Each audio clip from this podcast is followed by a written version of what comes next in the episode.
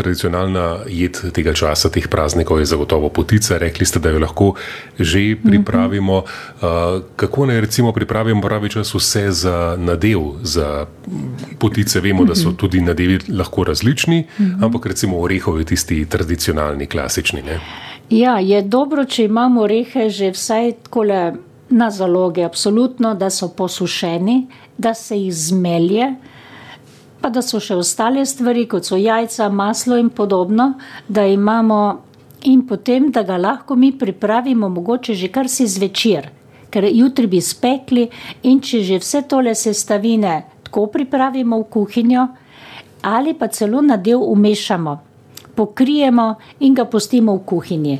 Zjutraj pa ga postavimo nekje mehko na toplo, da rahlo temperira, malo se je zgostil, še prilijemo, bodi si kar vroče mleko lahko. Ali pa samo beljakov sneg naredimo drugo jutro in tega zamešamo, da nekje še dokončamo nadev. Ker jaz ga dam kar preko kuhanja naredim in se mi zdi, da je kar še najbolj siguren ali uspešen ali zdrav. Da dam sladko smetano ali mleko. Če ni sladke smetane, mleko pa maslo, še sladkorja malo pridam, da to zavre, in potem, ko tole zavre, pridam dve žlici drobtin, to je za kilo, kilo in pol orehov potem. Da te drobtinice mešam z medlico, da se zgost, rahlo zgostijo, skuhajo, nabreknejo. In potem stresem orehe, ki jih imam odmerjene, in to premešam, da je gosto, da je komaj se povezalo. In malo še mešam na toplem, odstavim, no potem pa pride vsa aroma še zraven, malo cimeta, limonino lupino, pomarančni sok pridam, rumenjak, en ali pa dva, ni treba veliko ali pa nobenega, če kdo nima, zdaj jajc je bolj takole ne smemo preveč razkošno delati, bomo pa iz snega naredili, iz beljakov sneg za eh, nadev naredili, rumenjake pa v testo zamesili.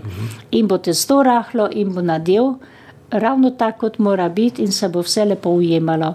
No in tisti sneg potem najprej porahlja ta nadev, ne prehitro nekaj priliti, v kak je gosto, ker sneg bo še zmehčal.